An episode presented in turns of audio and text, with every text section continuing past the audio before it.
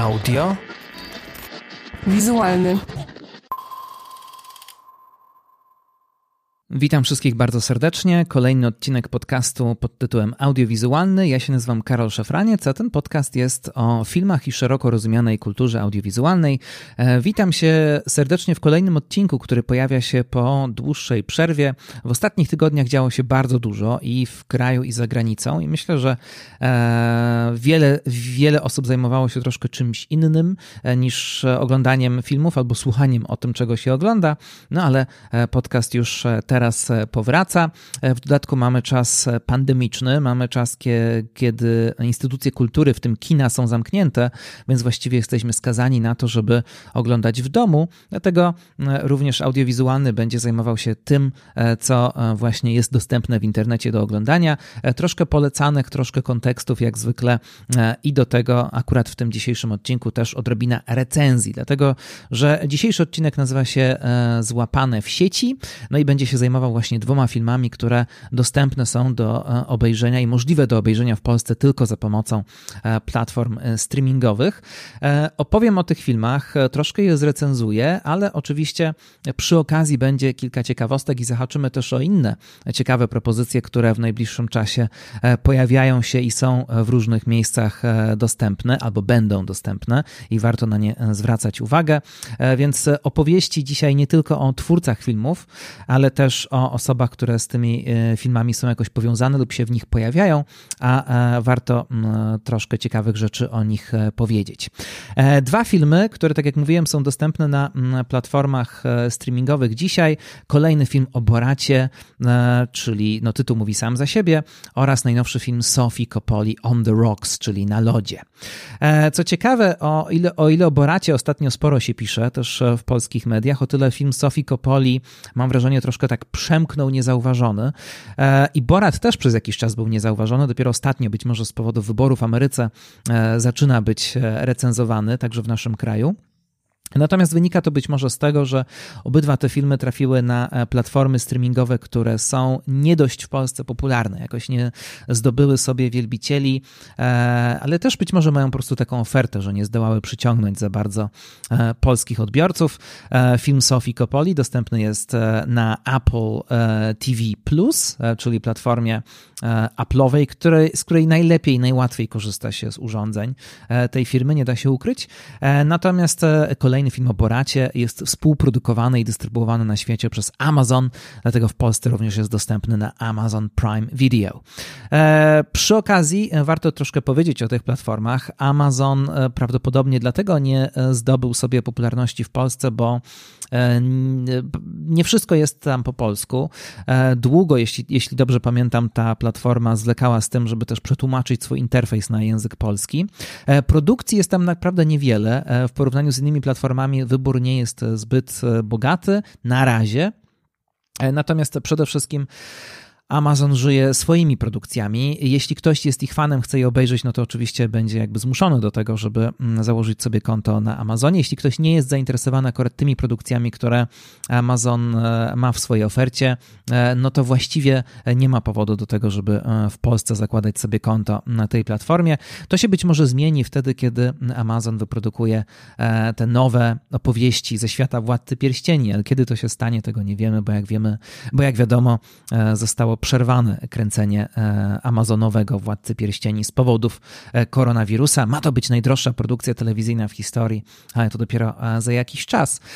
Seriale, które są mm, na Amazonie, które Amazon produkuje, charakteryzują się też tym, że często są bardzo przegięte, albo są takie bardzo barokowe w sensie formy, E, albo też e, w sensie treści, w sensie e, podejścia do pewnych tematów i to też nie wszystkim odpowiada, ale z drugiej strony ciekawe jest, że właśnie Amazon ma jakiś taki swój styl, jeśli chodzi o seriale, które pokazuje, ale ostatnio na Amazonie można też zobaczyć klasyczne seriale. Amazon zdobył prawa do Sons of Anarchy, ale też można na Amazonie zobaczyć wszystkie sezony X-Files z archiwum X i to na przykład też dla niektórych może być ciekawe, że wreszcie będzie można sobie po latach zrobić taką powtórkę. Z kolei, z kolei Apple mm, TV Plus to jest rzecz, która jeszcze całkowicie raczkuje. Tam można się troszkę zdziwić, kiedy wykupimy sobie abonament do tej, do tej platformy, dlatego że tam w ogóle niewiele jest do oglądania na razie.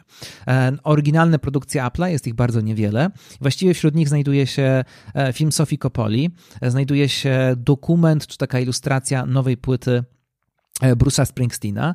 No a tak poza tym to dosłownie dwie, trzy jeszcze produkcje, a nawet mimo tego, że zapłacimy ten miesięczny abonament, to poza tym mamy, e, możemy, e, nie ma dostępu do niczego, ponieważ filmy, które są w bibliotece Apple'a są po prostu, czekają na to, żeby je kupić. One nie są dostępne w tym abonamencie, więc nawet jeśli mamy ten abonament, to i tak musimy te filmy kupować, ale z kolei wszystkich kinomanów, wszystkim kinomanom zwracam uwagę na to, żeby zajrzeć do sklepu Apple TV ponieważ jeśli ktoś chce mieć cyfrowe filmy, nie fizyczne nośniki, ale cyfrowe filmy na własność, niektóre też w rozdzielczości 4K i w bardzo dobrej jakości, to właściwie jeśli chodzi o to, co można kupić w Polsce, to właściwie to jest jedyny w tym momencie e, sklep internetowy z plikami, z legalnymi plikami z filmami, e, w których ten wybór jest e, tak duży. Jest jeszcze oczywiście Google Play, ale Google Play ma wybór mocno ograniczony w stosunku do tego, co oferuje Apple. Niestety, jeśli ktoś nie ma urządzenia Apple'owego, to dostęp do e, wszystkich funkcji, które ma e, ten e, sklep i ta usługa Apple TV Plus jest jakby mocno okrojony. Niemniej jednak można sobie na Apple'u także w Polsce zobaczyć najnowszy film Sofii Coppoli i prawdopodobnie będzie można go zobaczyć już zawsze tylko mm, tam. Dobra informacja jest taka, że jeśli ktoś nie ma ani Amazona, ani nie ma Apple'a, no to można sobie wziąć darmowy okres próbny, żeby zobaczyć jak nam się te platformy podobają i w czasie tego darmowego okresu zobaczyć i najnowszy film Sofii Coppoli, i najnowszego Borata, a więc e, te dwa filmy tak naprawdę e, przy odrobinie szczęścia mogą być dostępne do obejrzenia legalnie za darmo. E, no i przechodzimy powoli do omawiania tych filmów. Zacznę od tego bardziej wybuchowego, bardziej rozrywkowego. Natomiast mam wrażenie, że tak naprawdę obydwa te filmy troszkę pewne rzeczy łączą w sposób nieoczywisty. E, obydwa te filmy mm, w jakimś sensie łączą się z tym, co dzieje się na świecie teraz. E, w sposób dość oczywisty dotykają pewien, pewnych przemian kulturowych, e, ale oczywiście robią to na różne sposoby i też napotykają oba te filmy, mam wrażenie, na pewne problemy z tym, żeby te problemy, te, te, te napięcia kulturowe współczesności zdiagnozować E, Borat oczywiście mm, dotyka przede wszystkim tematyki obyczajowości i polityki Stanów Zjednoczonych, natomiast nowy film Sofii Coppoli z pewnością dotyka w dużym stopniu pewnych reinterpretacji e, czy reewaluacji e, kwestii płciowych, kwestii relacji kobiet kobiet i mężczyzn, ról, które e, kobiety i mężczyźni e, spełniają w dzisiejszym świecie, odgrywają je. I oczywiście oba te filmy starają się być krytyczne jakoś wobec rzeczywistości, a na ile im to wychodzi, no to możemy się zastanowić. Druga część Borata oczywiście była filmem bardzo oczekiwanym. Wiadomo było, że Sasha Baron Cohen, czyli brytyjski komik, który wymyślił sobie e, postać e, obskuranckiego reportera e, z kraju środkowej Europy, z Kazachstanu akurat, ale tak naprawdę jako, kraj, jako że Kazachstan jest krajem, o którym na zachodzie nikt nic nie wie, no to można było oczywiście stworzyć taką postać ulepioną z samych stereotypów, która przyjeżdża do Ameryki, jak wszyscy pewnie pamiętamy z pierwszej części, Borat obnaża ignorancję Amerykanów i pokazując też ich takie dość mroczne oblicze w wielu sprawach. E, Borat był oczywiście fikcyjnym dokumentem, e, znaczy był dokumentem prawdziwym, ale postać była fikcyjna, chociaż były tam pewne sceny inscenizowane.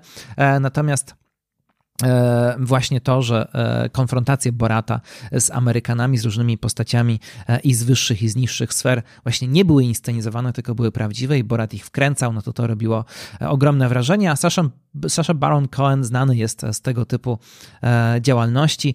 Borat nie był pierwszym wschodnioeuropejskim dziennikarzem, którego wymyślił, to jest tak naprawdę jego któreś tam z kolei podejście, ale wcześniej zdobył popularność jako raper Ali G, E, który również był taki utkany ze stereotypów i jednocześnie obnażał najpierw brytyjski establishment i brytyjskie wyższe sfery, a potem wyjechał do Stanów Zjednoczonych i zaczął e, właśnie nabijać się z Amerykanów. Potem oczywiście Sasha Baron Cohen um, wcielał się w różne inne postacie. E, był Bruno e, i był dyktator na przykład. No a w, ostatnio były też bardzo wiele postaci e, w serialu, który z kolei można zobaczyć na HBO, czyli w serialu Who is America, gdzie mm, no tam już Sasha Baron Cohen idzie w pewien maksymalizm, wciela się w bardzo różne osoby z bardzo różnych środowisk i też wchodzi w bardzo różne środowiska amerykańskie. Próbuje zrobić taki ogólny e, ogólny portret, czy taki pejzaż tego, jak, jacy są Amerykanie, jaki mają stan umysłu i w zależności od tego, w kogo się wciela, no to albo odwiedza właśnie establishment, nie wiem, kulturalno-artystyczny, e, albo establishment polityczny, albo takich zwykłych ludzi, zwykłych mieszczan, zwykłych, jeśli można tak powiedzieć, bogaczy i handlarzy, albo też e, ludzi z prowincji, e, których e, no również Sasha Baron Cohen nie oszczędza w swoich produkcjach. Who is America to był taki hit and miss, jak to się mówi. Raz Cohenowi się udawało lepiej, raz udawało mu się gorzej, ale jest tam kilka rzeczy faktycznie wstrząsających, no i warto pamiętać, że po obejrzeniu e, Who is America e, kilku ważnych amerykańskich polityków, może nie ze stopnia federalnego, ale ze stopnia władz stanowych straciło swoją pracę, ponieważ no, skompromitowali się tam całkowicie. Warto Who is America sobie przypomnieć, jeśli ktoś nie widział, właśnie dla tych udanych fragmentów tego E, tego przedsięwzięcia Sasha Barona Coena. No ale warto też powiedzieć, że Baron Cohen jest scenarzystą, jest producentem, jest też takim twórcą, który ma większe ambicje. Znaczy on ewidentnie nie chce być zamknięty tylko w komediach.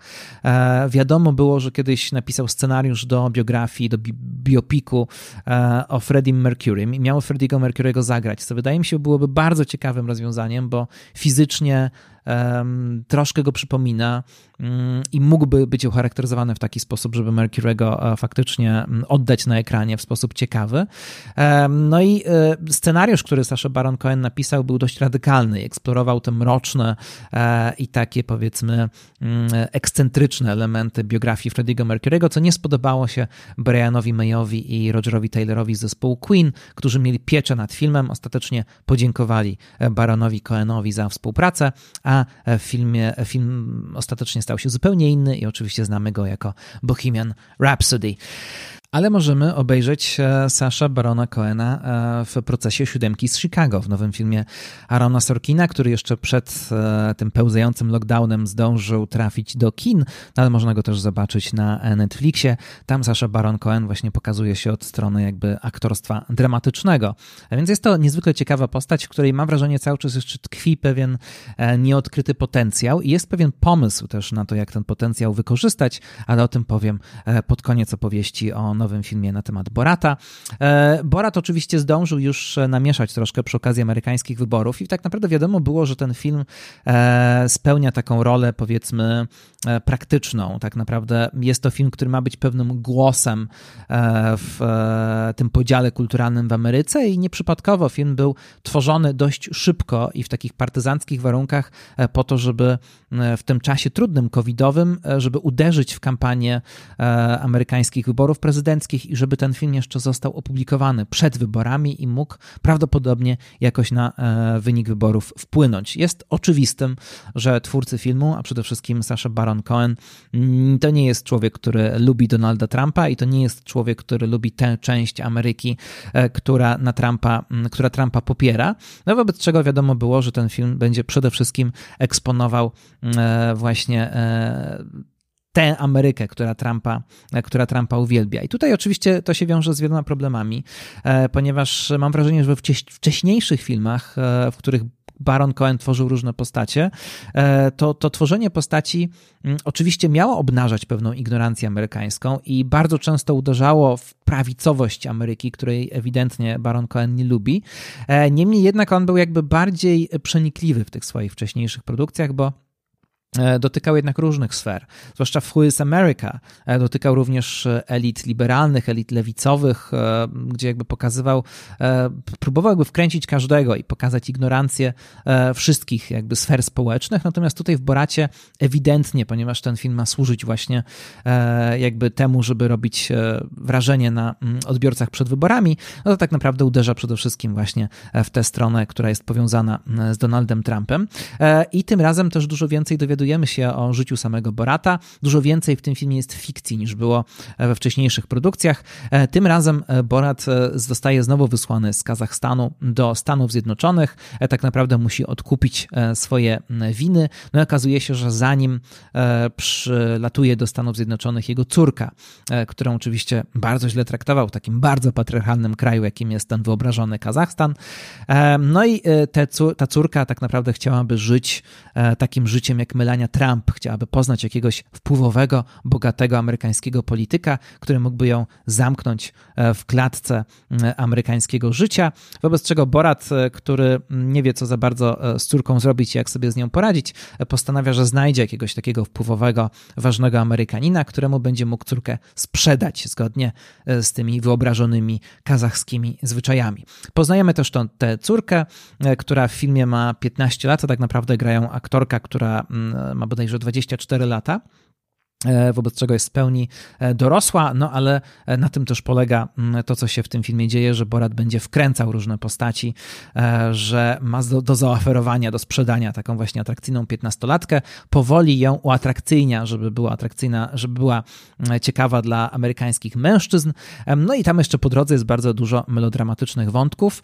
W każdym razie początkowy pomysł jest taki, że chciałby ją sprzedać Mike, Mike'owi Pence'owi, czyli wiceprezydentowi Stanów Zjednoczonych. Czy to się uda, czy nie i komu ostatecznie e, zaoferuje swoją córkę, to jeśli ktoś jeszcze nie wie, no to mm, polecam obejrzeć serial, natomiast oczywiście e, obejrzeć film.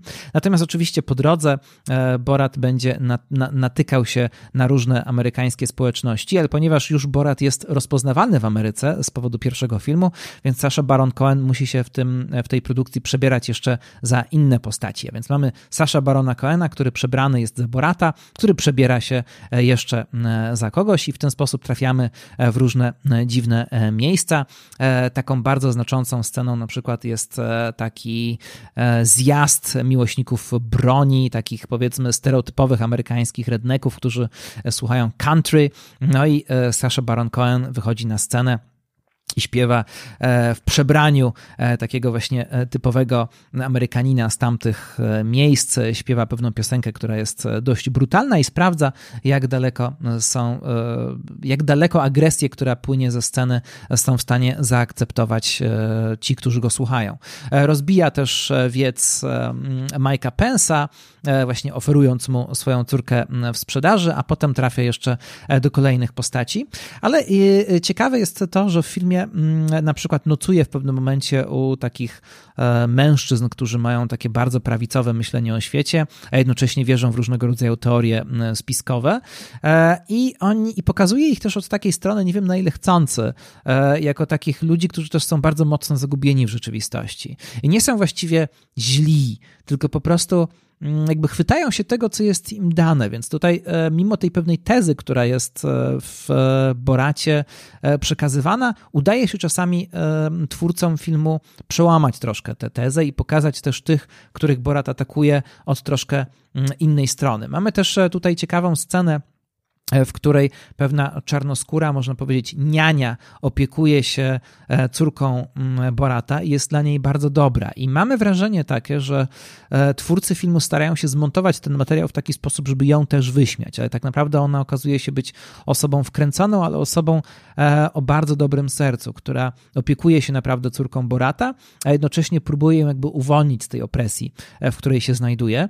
I tutaj jest jedna z wielu kontrowersji, jedna z kontrowersji, które są związane z najnowszym Boratem, mianowicie niektórzy atakowali e, twórców filmu za to, że między innymi ta kobieta została wykorzystana. Ona tak naprawdę próbuje być w tym filmie ośmieszona, ale przecież e, okazuje się być tak naprawdę bardzo dobroduszną, bardzo dobrą osobą. I nie dość, że została ośmieszona, oszukana w jakimś sensie, no to nie dostała też za występ w tym filmie żadnych gratyfikacji finansowych. I tutaj się pojawia takie pytanie, czy twórcy filmu powinni jednoznacznie wszystkich ośmieszyć, czy też na przykład tych, którzy ewidentnie pomogli bohaterom filmu powinni w jakiś sposób wynagradzać. I to, jeśli dobrze pamiętam, skończyło się taką deklaracją Sasha Barona Coena, że ona, e, ta kobieta konkretnie dostanie pewne wynagrodzenie za ten film.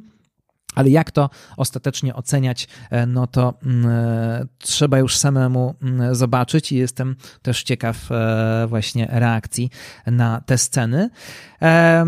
Warto powiedzieć jeszcze przy okazji mm, nowego Borata, że świat się zmienił od czasu pierwszego filmu. To już minęło wiele lat i troszkę mamy teraz e, e, wzmożoną wrażliwość, inną wrażliwość. I ciekawe jest to, mm, że przy, tym, mm, przy tej wzmożonej politycznej poprawności e, żarty, te radykalne żarty Saszy Barona Coena jednak uchodzą. I tutaj pojawia się mm, kilka pytań, które można zadać i na przykład zadaję je w bardzo ciekawym eseju, który polecam, który będzie w opisie odcinka Ziemowit-Szczerek. Ziemowit-Szczerek w swoim tekście pisze o tym, jak e, tworzyły się e, stereotypy na temat Europy Wschodniej, jak Zachód mm, i zachodnia Europa i Ameryka tworzyły sobie właśnie pewien taki karykaturalny obraz mieszkańca Europy Wschodniej i ten karykaturalny obraz cały czas jest w jakimś sensie e, aktualny. I ciekawe jest to, że w tym okresie wzmożonej politycznej poprawności, kiedy wszyscy są tak bardzo wrażliwi, e, mm, nie przeszkadza to opinii publicznej, także tej liberalno-lewicowej, e, tak bardzo stereotypowe naśmiewanie się z osoby z Europy Środkowej, z Kazachstanu. Gdyby Borat był dziennikarzem, dziennikarzem z Meksyku, gdyby był latynosem, gdyby był dziennikarzem z Afryki, czarnoskórym i jego na przykład rodzinny kraj byłby pokazywany według takich ultrastereotypów, e, tak jak e, w Boracie, to prawdopodobnie by to nie przeszło. I ciekawe jest to, że jakby cały czas osoby z Europy Środkowej nie są jakby poddane tym parasolem ochronnym e, polityczny, e, politycznej poprawności, ale z drugiej strony to nie znaczy, że ja tutaj zamierzam atakować Saszę Barona Coena, bo dużo wątpliwości, co prawda, wzbudza we mnie ten film i to, że tak dużo też poświęca w tej części e, właśnie nie wyśmiewaniu się z Ameryki, nie wyśmiewaniu się z Zachodu, ale jakby eksponowaniu tej wymyślo, tego wymyślonego Kazachstanu, którego prymitywizm jest pokazywany też w sposób bardzo prymitywny i nie zawsze to jest e, zabawne. I oczywiście ja sobie zdaję sprawę, o co mu chodziło, to znaczy e, Baron Cohen działa w myśl e, typowy, w taką, takiej typowej satyry, która jest charakterystyczna dla brytyjskiego czy anglosaskiego humoru, czyli śmiejemy się ze stereotypów, ale nie w ten sposób, że ich unikamy, ale w ten sposób, że je absolutnie maksymalizujemy. Czyli jeśli jest jakiś stereotyp osoby, na przykład właśnie z Europy Wschodniej, no to pokazujemy taką osobę i ona jest tak bardzo ultra zrepkiem skrajnych stereotypów osoby z tego miejsca, że tak naprawdę w ten sposób wyśmiewamy tych, którzy tymi stereotypami się posługują. I to jest moim zdaniem Oczywiście nie dla wszystkich dopuszczalna forma satyry, zwłaszcza dzisiaj ona jest poddawana krytyce. Ja uważam, że ona jest jak najbardziej dopuszczalna, aczkolwiek jest ryzykowna, ale czasami właśnie w tej e, najnowszej części nie zawsze jest błyskotliwa. A mm, wydaje mi się, że taka ostra satyra wtedy, kiedy nie jest błyskotliwa, to nie tylko traci, ale zamienia się jakby w swoje własne przeciwieństwo. I tutaj jest pewien problem, jeśli chodzi o to, na ile e, Borat śmieje się z tych, którzy stereotypizują, a na ile zaczyna stereotypizować sam. Mam też wrażenie, że ponieważ ten film powstawał szybko, no to właśnie brakowało troszkę tych, tego mięsa, czyli tych wszystkich scen, gdzie Borat, że tak powiem, wychodzi w teren i poznaje tych e, ludzi, dlatego jest tak bardzo mm, i poznaje ludzi i w jakiś sposób ich wkręca, dlatego jest tak dużo scen fabularyzowanych, bardzo dużo jest scen inscenizowanych e, i tak naprawdę mamy większe wątpliwości, przynajmniej ja miałem, niż przy okazji wcześniejszych produkcji z Baronem Cohenem, co tu jest inscenizowane, a co nie.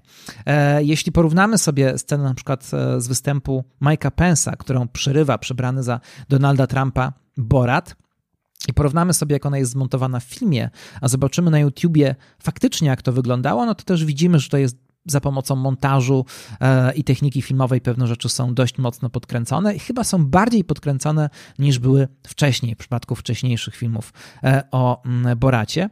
Oczywiście e, jest tutaj kilka bardzo mocnych scen. Udało się tutaj znowu Saszy Baronowi Cohenowi skompromitować pewnych bardzo ważnych amerykańskich polityków z otoczenia, przede wszystkim jednego z otoczenia Donalda Trumpa, aczkolwiek tutaj też mamy pewną niejednoznaczność, więc jak bardzo duży jest poziom poziom e, tej kompromitacji, to jest kwestia interpretacji. Każdy ma tutaj e, własne zdanie na ten temat, natomiast na pewno kompromitacja jest i to e, spora. No niemniej jednak tego mięsa jest tutaj mniej właśnie niż w poprzednich produkcjach Barona Coena. I to wszystko jest jakby zmontowane w taki sposób dość niedbały. Mam wrażenie, że w komedii bardzo ważne jest to, co określa się mianem timingu. E, I właśnie timing w Bruno, e, timing w pierwszym Boracie, w Who is America, czasem nawet w Dyktatorze, który był słabszy, no, czasami jest wspaniały i właśnie ten timing jakoś tak ratuje e, pewne sceny i podkreśla ironię, podkreśla pewien sarkazm. Natomiast tutaj tego timingu często nie ma i to, co powinno być zabawne, staje się troszkę przeciążone, przydługawe, mm, takie zbyt melodramatyczne albo zbyt inscenizowane i czegoś właśnie tutaj brakuje. I o ile ten Borat jest zabawny i cały czas pokazuje pewną mroczną część Stanów Zjednoczonych, to robi to w sposób zdecydowanie właśnie mniej błyskotliwy niż poprzednio, moim zdaniem oczywiście. E, I e, też e, no nie ukrywajmy się, tak naprawdę w dużym stopniu Borat się powtarza. Jeśli widzieliśmy wszystkie wcześniejsze filmy z udziałem Saszy Barona Coena, to tutaj jakby niczego nowego nie odkryjemy. Wydaje mi się, że jest jeszcze jeden powód, poza mm, być może niskim budżetem i poza tym, że trzeba było się spieszyć i trzeba było jakby służyć sprawie, mm, czyli stanąć po konkretnej stronie, obrzydzić jedną ze stron mm, amerykańskiej polityki. Mianowicie tym powodem jest e, fakt, że zmienił się reżyser. E, te najlepsze filmy, w których e, występował Sasha Baron Cohen, to były filmy tworzone przez Larry'ego Charlesa. To on był reżyserem. Sasha Baron Cohen dawał pewne mięso, ale filmowo ustawiał je właśnie Larry Charles, który też wpływał scenariuszowo na te filmy. Sasha Baron Cohen nie tworzy swoich postaci przecież sam. I Larry Charles był takim współpracownikiem przez bardzo wiele lat. Borat, Bruno, Dyktator e, to właśnie filmy, które mm, zrobili razem. E, niektóre rzeczy z Alim G e, też robili razem, a Larry Charles to postać już bardzo zasłużona dla amerykańskiej komedii. Człowiek, który zaczynał jeszcze jako stand-uper w latach 70., bo urodził się pod koniec lat 50., e, ale tak naprawdę przebił się do tego świata komediowej telewizji e, przy współpracy z Larrym Davidem. E, I właśnie Larry Charles odpowiedzialny był za scenariusze niektórych odcinków Kronik Seinfelda. No i to właśnie sprawiło, że stał się częścią ekstraklasy komediowej amerykańskiej. Mówi się, że to właśnie Larry Charles odpowiedzialny jest za te najbardziej mroczne, e, najbardziej takie niepokojące elementy kronik Seinfelda. Później e, Larry Charles stworzył też e, inne seriale i programy e, komediowe i stworzył też taki film, chyba w Polsce zupełnie nieznany, Masked and Anonymous, z bardzo wieloma wybitnymi aktorami, między innymi z Bobem Dylanem, który też jest autorem scenariusza do tego filmu. No ale właśnie Borat i ta współpraca z Saszem Baronem Cohenem to to, z czego Larry Charles jest znany najbardziej. Tymczasem najnowszego Borata nakręcił Jason Woliner, przedstawiciel już zupełnie innego pokolenia e, amerykańskich komików, urodzony w 1980 roku, znany najbardziej e, z produkcji E, dla MTV, z takiej grupy komików, do której należał, która nazywała się Human Giant. E, no i właśnie z e, Human Giant przeszedł potem do kolejnych produkcji i wreszcie zajął się reżyserią najnowszego Borata. I być może właśnie ta zmiana na stołku reżysera, troszkę inna wrażliwość, być może akurat w tym wypadku troszkę mniejszy talent też zaowocowały tym, że moim zdaniem jednak drugi Borat E, jest troszkę odgrzewanym kotletem, jest filmem przyciążkawym, niekoniecznie śmiesznym, i spełniającym na pewno swoją rolę i na pewno e, jakby stojącym po właściwej stronie w wielu wypadkach, ale czasami przekraczającym e, granice właśnie w taki sposób dość niefortunny. Między innymi przy, przede wszystkim jeśli chodzi o to, w jaki sposób portretuje samego Borata i świat, z którego e, Borat e, pochodzi. Natomiast warto tutaj powiedzieć, że Kazachstan e, jest krajem, który się nie obraża. Po pierwszej części Borata Kazachstan postanowił wykorzystać, zamiast protestować i w jakiś sposób marudzić, postanowił wykorzystać postać Borata do promocji swojego kraju i licząc na to, że wielu turystów będzie chciało zobaczyć, jaki naprawdę jest kraj Borata i że wcale nie jest tak straszny. Teraz również tak jest i również Kazachstan się cieszy, że ten film powstał i już powstają różne oferty dla turystów po to, żeby Kazachstan e, odwiedzać. Chociaż właśnie o czym też pisze w swoim tekście Ziemowit Szczerek, ciężko nawet powiedzieć, czy Kazachstan to Europa Środkowa. W pewnym e, sposobie myślenia, E, który obowiązuje e, na Zachodzie czy w Stanach Zjednoczonych, można tak stwierdzić, ale na przykład e, wioski, w których Borat i pierwszy i drugi był kręcony, to wioski w Rumunii. Ta pierwsza wioska z pierwszej części, no jednak czuła się mocno poszkodowana tym, w jaki sposób twórcy filmu ją wykorzystali. Wykorzystali nie tylko w sensie tym, jak pokazali ten świat, ale też w sensie takim organizacyjno-finansowym, gdzie oni po sobie pozostawili bardzo dużo syfu, można tak powiedzieć. E, no i teraz e, po prostu pojechali do innej wioski e, w Rumunii i pewnie znowu wokół tego będzie mm, wiele kontrowersji, także nie tylko ten Kazachstan jest wyobrażony, ale tak naprawdę nawet nigdy nie jest pokazany na ekranie, a właśnie to, co widzimy jako Kazachstan, to tak naprawdę jest Rumunia i tutaj pojawia się też taki zarzut, że być może lepiej byłoby, gdyby mm, skoro Borat ma być taki utkany ze stereotypów, które tak naprawdę tworzą ludzie Zachodu na temat wschodu i teoretycznie powinien działać w ten sposób, że będzie odbijał te stereotypy przeciwko tym, którzy je tworzą, to może lepiej byłoby, e, gdyby e, ta postać została mm, stworzona, została wymyślona, e, z jakiego, że pochodzi z jakiegoś wymyślonego kraju, a nie z konkretnego kraju Kazachstanu, który istnieje naprawdę. E, natomiast e, Sasha Baron Cohen jest e, postacią, jego typ humoru. Często były takie dyskusje. Jeszcze pamiętam, kiedy pojawił się pierwszy Borat, sam uczestniczyłem w takich internetowych dyskusjach na forach IMDb już nieistniejące te fora niestety, a to było bardzo ciekawe e, miejsce wymiany myśli międzynarodowej na, te, na temat filmu. Na tych forach była taka dyskusja, jaki humor prezentuje właściwie Sasha Baron Cohen, do jakiej tradycji należy.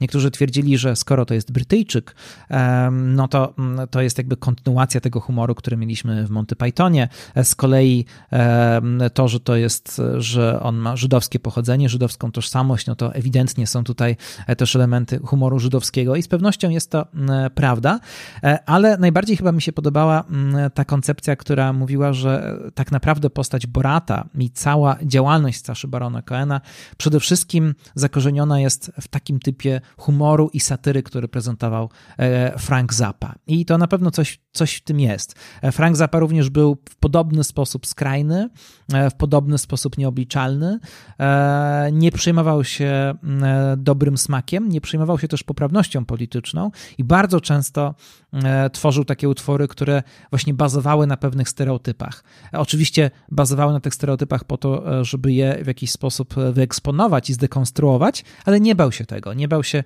stereotypizować różnych na przykład mniejszości narodowych, które E, istnieją e, nie tyle na prowincji amerykańskiej, czy czasami w jej establishmencie i to się pojawia w jego piosenkach. E, no ale oczywiście zarówno Borat uderza też w ten cel, jakim jest amerykańska prowincja, często uważana za ksenofobiczną i właśnie przede wszystkim głosującą na Trumpa albo na skrajnych, religijnych, fundamentalistycznych republikanów. I to się właściwie w każdym filmie Saszy Barona Coena pojawia, choć nie tylko jednak tych biednych e, prowincjuszy pokazuje, wbrew temu, co się o nim mówi. Sasha Baron Cohen w innych filmach pokazuje właściwie wszystkie sfery amerykańskiego życia e, i wszystkich chyba traktuje równo brutalnie, więc nie można powiedzieć, że e, tylko atakuje prowincję i że to jest taki łatwy cel. No ale na pewno ta prowincja jest takim obiektem jego ataków, właśnie podobnie jak to było u Franka Zapy. I nawet ten sketch, który pojawia się w najnowszym Boracie, kiedy właśnie on jest przebrany za muzykę muzykę country i zaczyna śpiewać bardzo brutalne e, teksty, właściwie niemalże faszystowskie, które zaczyna podchwytywać publiczność i bez obciachu zaczyna to, e, zaczyna je popierać i śpiewać razem z Boratem. Nawet jedna osoba zaczyna hajlować w pewnym momencie, słuchając jego tekstów. To jest de facto powtórzenie pewnego happeningu, e, który Frank Zappa zrobił pod koniec lat 60. ze swoim zespołem Mothers of Invention. W czasach wojny w Wietnamie Zappa trafił właśnie do takiego miejsca, gdzie grał przede wszystkim chyba dla wojskowych e, i zaczął e, śpiewać bardzo rasistowskie teksty, e, no i takie ostre na temat przemocy seksualnej przeciwko wietnamskim kobietom. Zaczął śpiewać no, bardzo brutalne rzeczy, co wietnamskim kobietom należałoby zrobić. I oczywiście chodziło o to, żeby sprowokować tych ludzi i żeby mm, zobaczyć, do czego są zdolni, żeby potem jakby obrócić to, co oni robią przeciwko nim, żeby to wyśmiać. Ale Zapa poszedł znaczy to się przerodziło w taki spektakl agresji, w którym w pewnym momencie rzucili w zapas ze sceny, rzucili gumową lalkę w publiczność i oni sobie wyobrazili, że to jest wietnamska kobieta i zaczęli E, ją e, niszczyć, zaczęli ją właściwie rozdzierać, no to, przekroczyło e, pewne granice eksplozji nienawiści i Zappa po prostu się stamtąd zawinął. Ale to właśnie jest bardzo podobny sposób działania. No i teraz będziemy mieć niedługo film o Franku Zapie, Alexa Wintera i często mówi się o tym, że gdyby powstał film fabularny o Franku Zapie, który właśnie z jednej strony był no, niezwykle utalentowanym i wszechstronnym muzykiem, a z drugiej strony jednym z najbardziej ostrych satyryków, jakich miała Ameryka e, ostatniego półwiecza, no to w tej fabule o Franku Zapie powinien wystąpić właśnie Sasha Baron Cohen. Oni również są do siebie troszkę podobni fizycznie, e, mają mm, no, bardzo zbliżone poczucie humoru i chyba pod wieloma względami mają podobne poglądy. I tutaj nie powinno być tych problemów, które były z Freddie Mercury e, i właśnie Sasha Baron Cohen idealnie nadaje się do tego, żeby odegrać Franka Zappę w filmie, w filmowej biografii tego muzyka i być może właśnie tutaj też powinien on napisać scenariusz i stworzyć taką bardzo niekonwencjonalną produkcję. E, na ten temat.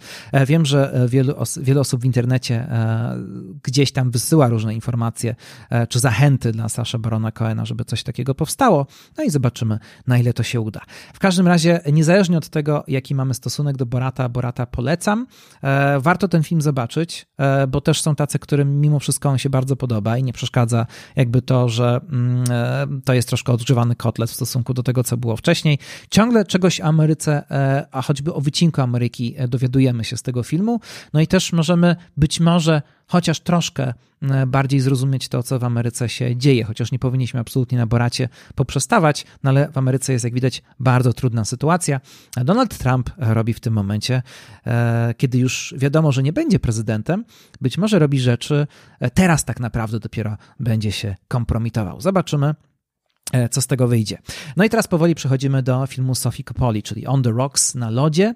E, najnowsza produkcja e, reżyserki, która w Polsce jest bardzo popularna, ale właśnie prawdopodobnie z powodu platformy, na której ten film się ukazuje, jakoś ten film przeszedł bokiem. Również warto go zobaczyć, natomiast warto powiedzieć, że w tym filmie główną rolę gra Rashida Jones, czyli córka Quincy Jonesa i aktorki Peggy Lipton. E, która jest też bardzo ciekawą postacią i ja troszkę o niej więcej powiem, ale ją e, coś łączy z najnowszym filmem e, o Boracie.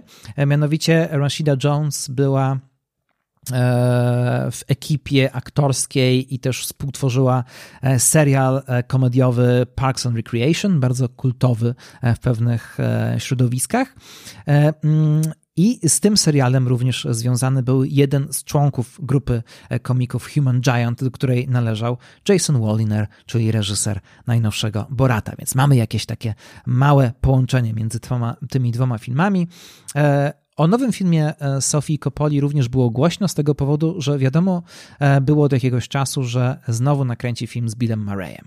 No i tutaj zawsze z jednej strony taka wiadomość budzi radość, bo mamy jakiś taki dream team, który kiedyś się sprawdził e, i który teraz powróci, więc no, cieszymy się. No a z drugiej strony zapala się lampka ostrzegawcza, e, czy znowu to się uda. Że coś, co było takie jednorazowe, co było bardzo niezwykłe e, i to, jak umiała Sofia Coppola poprowadzić Billa Murraya w międzysłowami, to się mogło sprawdzić tylko raz. I taki powrót może budzić pewien niepokój. Co ciekawe, sama reżyserka również miała tego typu obawy.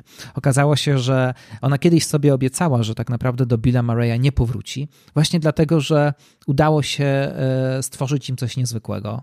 E, udało im się wytworzyć jakąś niesamowitą atmosferę i tego nie za bardzo e, będzie dało się powtórzyć.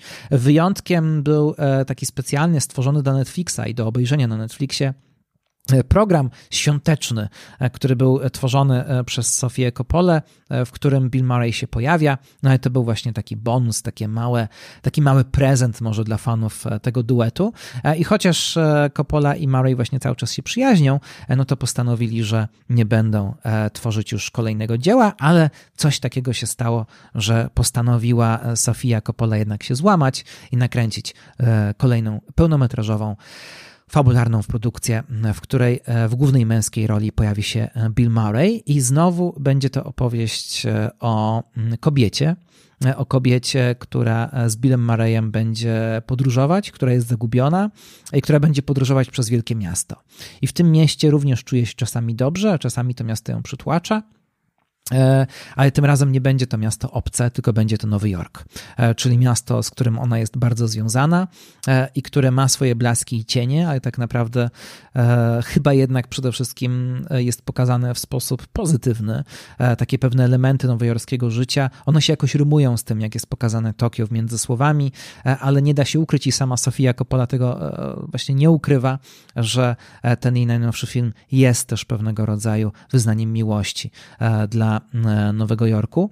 E, to samo zresztą mówi Rashida Jones, która też tam mieszka od e, iluś lat i jest z tym miastem bardzo związana. Jak mówi, jest to miasto, które jest jak dziki kochanek. Można go, mm, czasami się go kocha, czasami się go nienawidzi, ale nie da się tego miasta opuścić, jeśli już się skosztowało go raz i jakby zrozumiało się, na czym ono polega. Więc ten Nowy Jork, ten setting nowojorski ma tutaj ogromne znaczenie.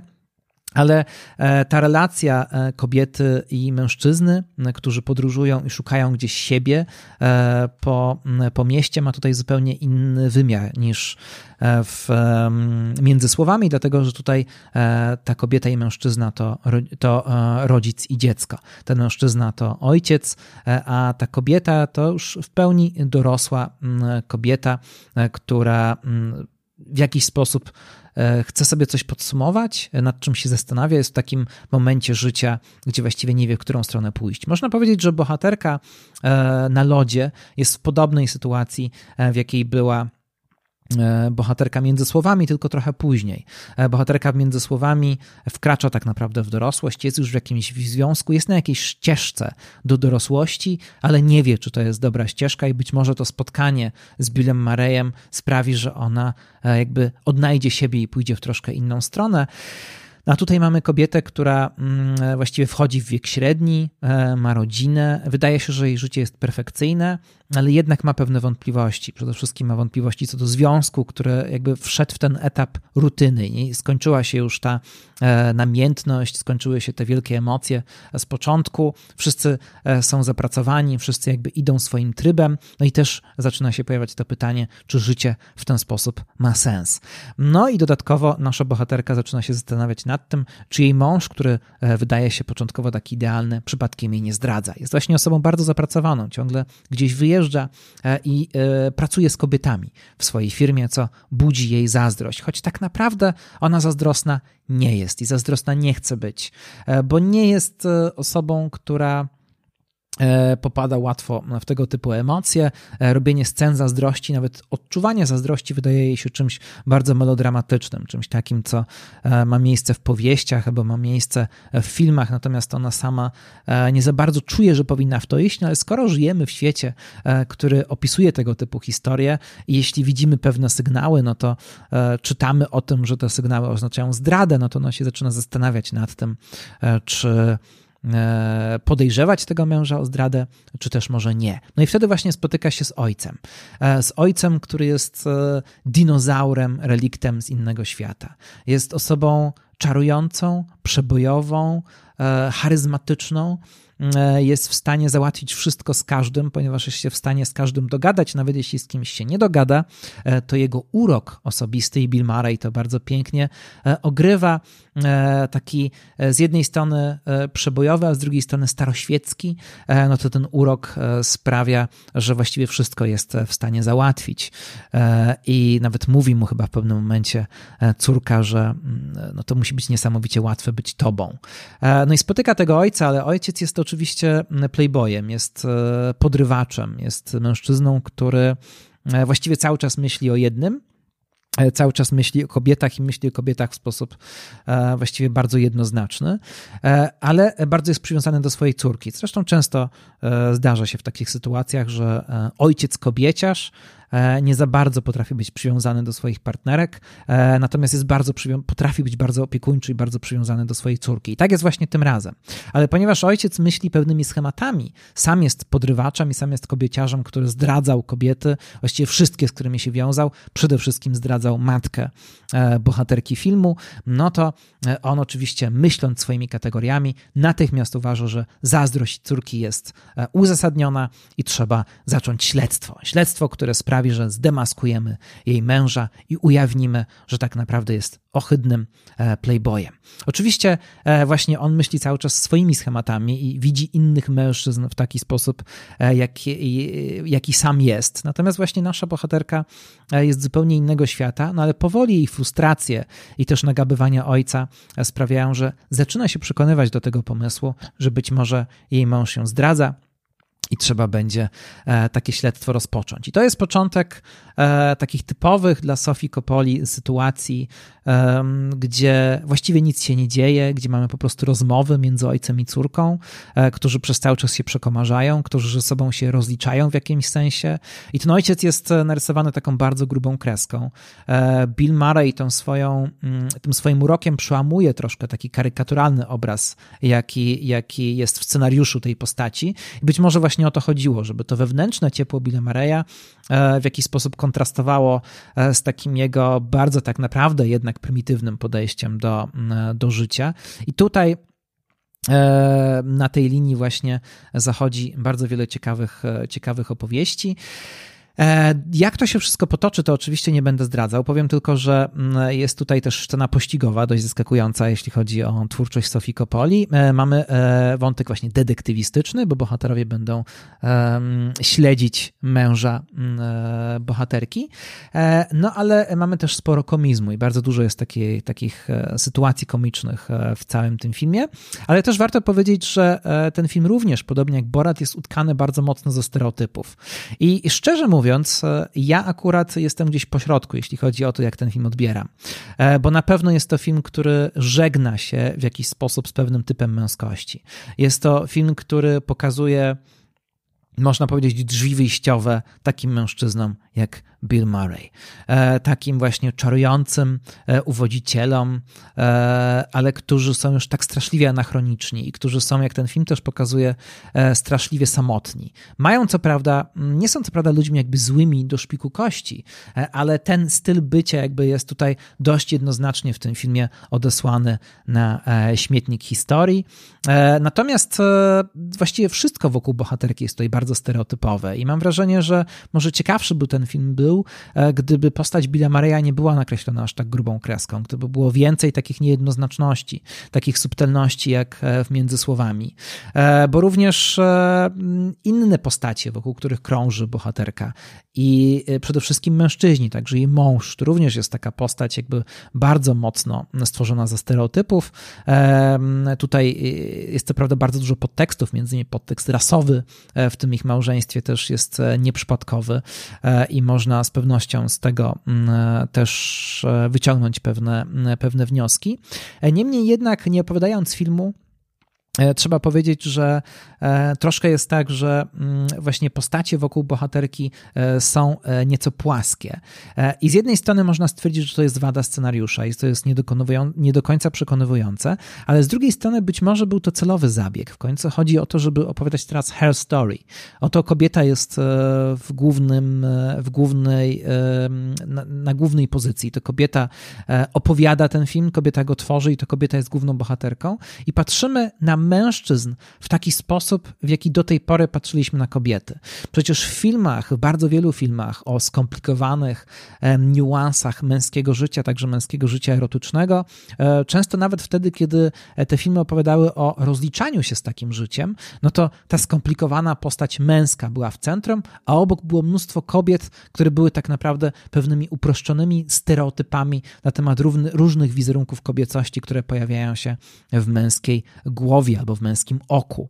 E, I takim filmem chociażby był Broken Flowers Jima Jarmusza, e, który wydawałoby się e, w jakiś sposób obnaża pewien stereotyp męskości, no ale z drugiej strony jest bardzo wiele, zwłaszcza dzisiaj, artykułów, gdzie ten film jest mocno atakowany, gdzie udowadnia się, że ten film tak naprawdę właśnie bardzo posiłkuje się pewnymi stereotypami i tak naprawdę jest takim użelaniem się nad sobą takiego mm, mężczyzny i tak naprawdę wszystko w tym filmie jest pokazane z jego perspektywy. Te kobiety znamy tylko o tyle, o ile on, na ile on je zna. I one pełnią w tym filmie tylko taką funkcję, jaką pełniły w życiu bohatera, którego gra Bill Murray.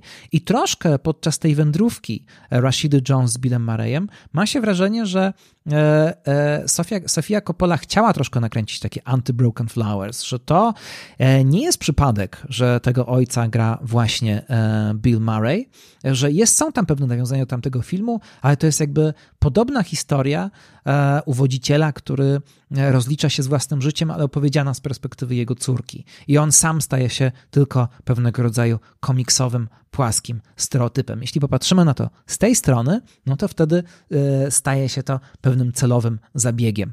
E, no i ja tutaj gdzieś e, stoję, stoję na rozdrożu. Z jednej strony to rozumiem, z drugiej strony mam wrażenie, że nie wszystko e, jest do końca przekonywujące. Zaskakujący też dla mnie ten film, nie opowiadając, nie spoilerując zakończenia, zaskakujący jest też dla mnie konserwatyzm tego filmu. To znaczy, i to jest zresztą też charakterystyczne dla pewnych opowieści takich o przemianach obyczajowych, gdzie na ten kryzys męskości, czy na ten kryzys relacji między męskością i kobiecością, e, odpowiedź jest jednak e, w sumie standardowa e, obyczajowość. Obyczajowość tym razem opowiedziana z perspektywy kobiety, ale to, jak bardzo ten film gloryfikuje w gruncie rzeczy takie bardzo konserwatywną, konserwatywną wizję rodziny, to jest też jest coś, co jest bardzo ciekawe i co te, też nie wiem, czy jest do końca przekonywujące, ale to pewnie będzie każdy miał e, własne e, zdanie.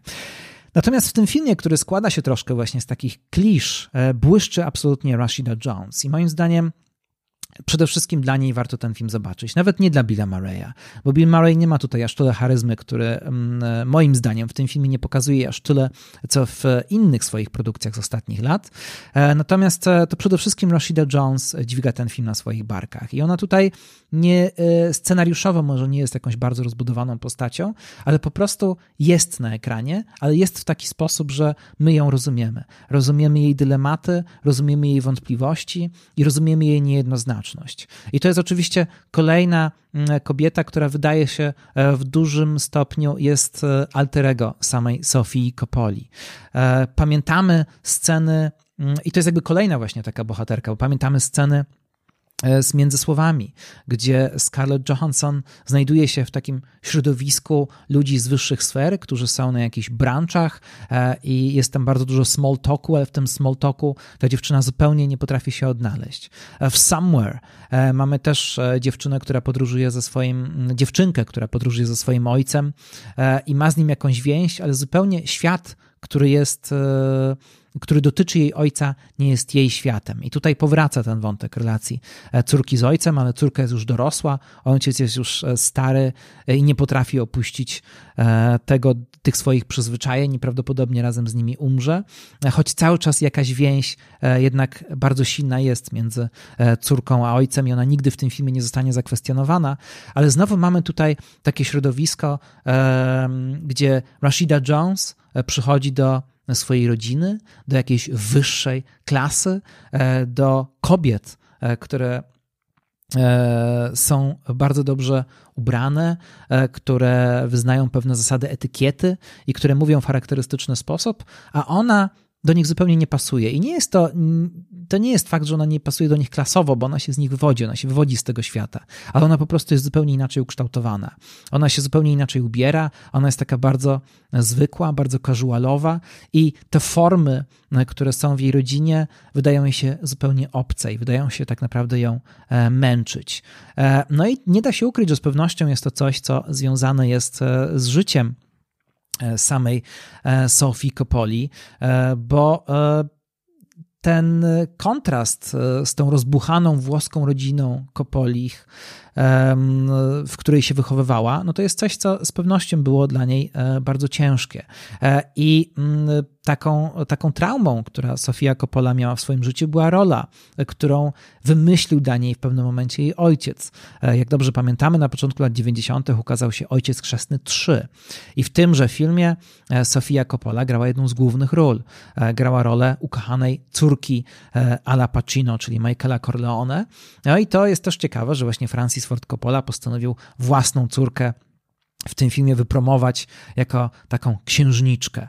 E, I to było coś, co ona bardzo przeżyła, dlatego że ona się zupełnie do tej roli nie nadawała. Ona tam występowała w pięknych ubraniach, była faktycznie taką arystokratyczną młodą damą i faktycznie właśnie coś e, z księżniczki miała w sobie mieć, ale czuła się w tym bardzo niekomfortowo. Dostała za to miażdżące recenzje.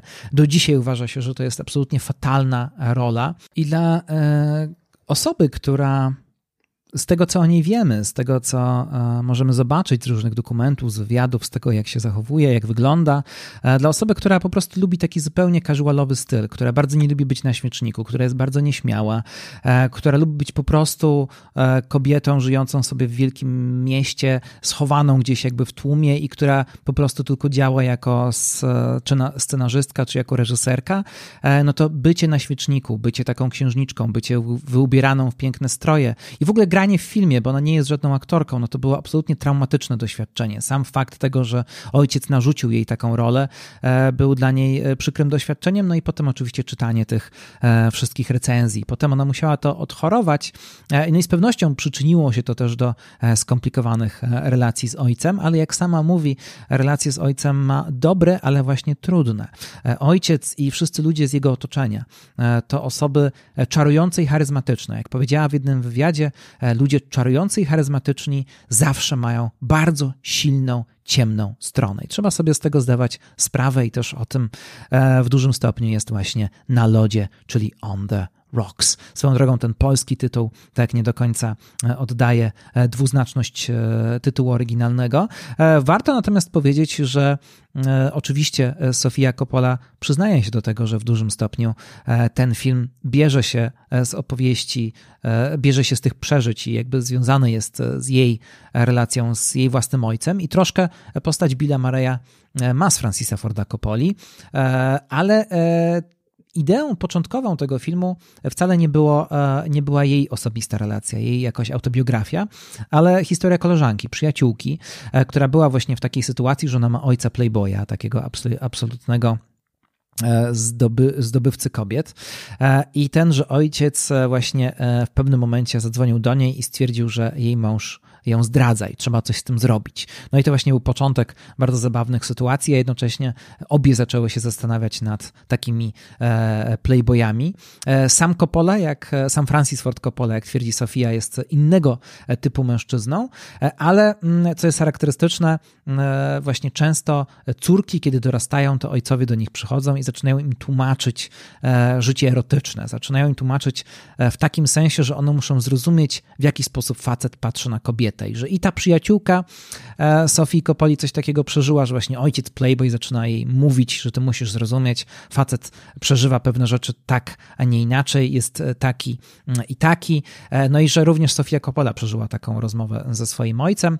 I być może w tym filmie w On the Rocks cały czas jest jakiś bunt przeciwko takiej wizji męskości, znaczy jest jakaś wiara, że może jakaś inna męskość jest, jest możliwa. Ale warto na koniec powiedzieć, że w tym filmie oczywiście E, również e, Rashida Jones i osobiste doświadczenia e, mają znaczenie, no ponieważ to jest taki, taka produkcja, w której spotyka się autobiografia reżyserki z autobiografią aktorki. Rashida Jones, tak jak mówiłem na początku, to postać bardzo interesująca i warto jej się przyjrzeć troszkę bliżej. Może nie jest jakąś osobą, która błyszczy na pierwszym planie, może nie jest jakąś gwiazdą, celebrytką albo osobą przesadnie znaną, ale na pewno jest ciekawa i warto przyjrzeć się jej działaniom e, bliżej. Niezwykle inteligentna, e, bardzo dobrze wykształcona. Również miała pewną rolę, którą prawdopodobnie, e, w której prawdopodobnie ojciec ją widział, ale postanowiła pójść inną drogą. Ona miała pełną akceptację rodziców. Rashida Jones to córka też, tak jak już mówiłem, Quincy Jonesa, wybitnego producenta muzycznego, jednego być może z najwybitniejszych żyjących producentów muzycznych, e, oczywiście związanego z wytwórnią Motown, ale tak przeciętnemu odbiorcy najbardziej chyba mówi e, wiele to, że był producentem Thrillera, słynnej płyty Michaela Jacksona. E, ale to w ogóle postać niesamowicie wszechstronna i wykształcona muzycznie. Mm, I córką jest też Peggy Lipton, e, czyli mm, aktorki, aktorki amerykańskiej, e, która chyba najbardziej znana jest, e, aktorki i modelki amerykańskiej, która najbardziej znana jest z roli w serialu Twin Peaks, gdzie grała Normę, właścicielkę restauracji, która miała oczywiście bardzo dużo problemów osobistych. Peggy Lipton niestety już odeszła od nas, zdążyła jeszcze zagrać w Twin Peaks Powrót e, jest jedną z tych smutnych, e, jest, jej historia jest jedną z tych smutnych historii, które są e, w Twin Peaks Powrocie, gdzie Lynchowi udało się sfilmować jeszcze osoby, które dosłownie za chwilę e, odejdą. Peggy Lipton, kiedy kręcono ten trzeci sezon Twin Peaks, była już e, chora na nowotwór. Natomiast no, Quincy Jones jeszcze całkiem nieźle sobie radzi. Może nie jest jakoś bardzo aktywny muzycznie, ale sporo wywiadów udziela. Rashida Jones zresztą jest producentką filmu o ojcu, który można było obejrzeć na Netflixie. Rashida Jones od wczesnego dzieciństwa miała różnego rodzaju problemy. E, dlatego, że Mimo tego, że już było po rewolucji lat 60., e, to lata 70. i 80. cały czas były takim czasem, kiedy tego typu mieszane małżeństwa nie do końca były akceptowane.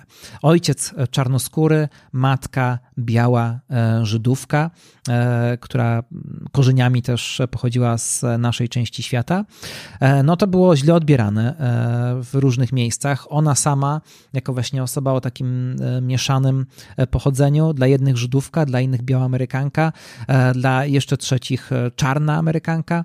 No, miała różnego rodzaju problemy w szkole, e, a jednocześnie też była taką osobą, która raczej lubiła być z boku i która chciała się dobrze uczyć. Ona skończyła Harvard i chciała być prawniczką, ale sprawa o J. Simpsona i to, jak się skończyła, rozczarowała ją całkowicie w stosunku do prawa i wtedy zajęła się troszkę czymś innym. Zawsze ciągnęło ją do sztuki, do teatru, występowała w różnych i pisała też różne teksty dla studenckich teatrów, a jednocześnie, jak sama mówi, zawsze była geekiem.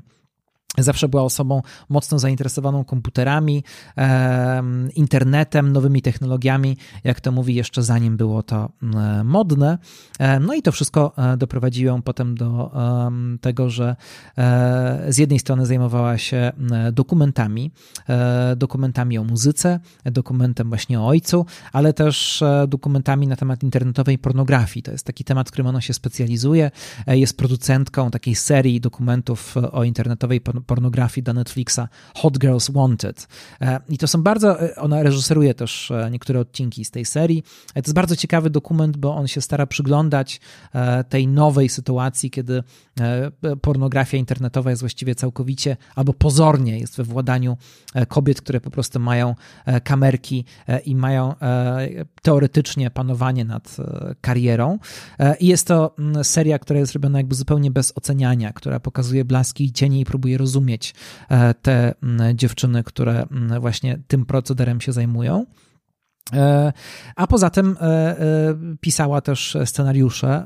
Rashida Jones między innymi jest jedną z współautorek scenariusza do najnowszej części Toy Story, Toy Story 4, no i współtworzyła właśnie między innymi wspomniany wcześniej serial Parks and Recreation, gdzie i istniała jako współautorka scenariusza, ale też w tym serialu grała. No i właśnie gra e, w różnych miejscach, czasami ma mniejsze E, czasami większe role, ale z pewnością e, tutaj ta rola mm, e, w On the Rocks miała dla niej takie osobiste znaczenie. Właśnie no, ojciec Quincy Jones, również postać niezwykle potężna, niezwykle ważna i też jakby na świeczniku i ma podobne doświadczenia z dzieciństwa jak Sofia Coppola. To znaczy no, Quincy Jones jako dyrygent, jako producent muzyczny przez większość życia bardzo, bardzo dużo podróżował i ona jako młoda dziewczyna próbowała czasami ojca doganiać i żeby go gdzieś spotkać, to musiała gdzieś lecieć na drugi koniec koniec świata żeby e, chwilę z nim pobyć, ale z drugiej strony twierdzi, że ojcem był dobrym i nawet kiedy była nastolatką e, i rodzice się rozwiedli, e, to jej relacja z nimi była bardzo dobra, aczkolwiek ona w przeciwieństwie do części rodzeństwa została z matką i była przede wszystkim wychowywana przez Peggy Lipton. Co ciekawe, jej starsza siostra w pewnym momencie randkowała z Tupakiem. To było w latach 90., przed, samym, przed samą śmiercią Tupaka, chociaż wcześniej rodzina Quincy Jonesa z Tupakiem miała e, pewien e, topór wojenny, e, dlatego że Tupakowi nie podobało się właśnie to, że to jest rodzina mieszana, e, nie podobało mu się to, że Rashida Jones i jej siostra e, są mieszane rasowo i uważał, że czarnoskórzy nie powinni robić czegoś takiego, ale potem mu przeszło i właśnie nawet Tupak był gościem często w domu Quincy Jonesa.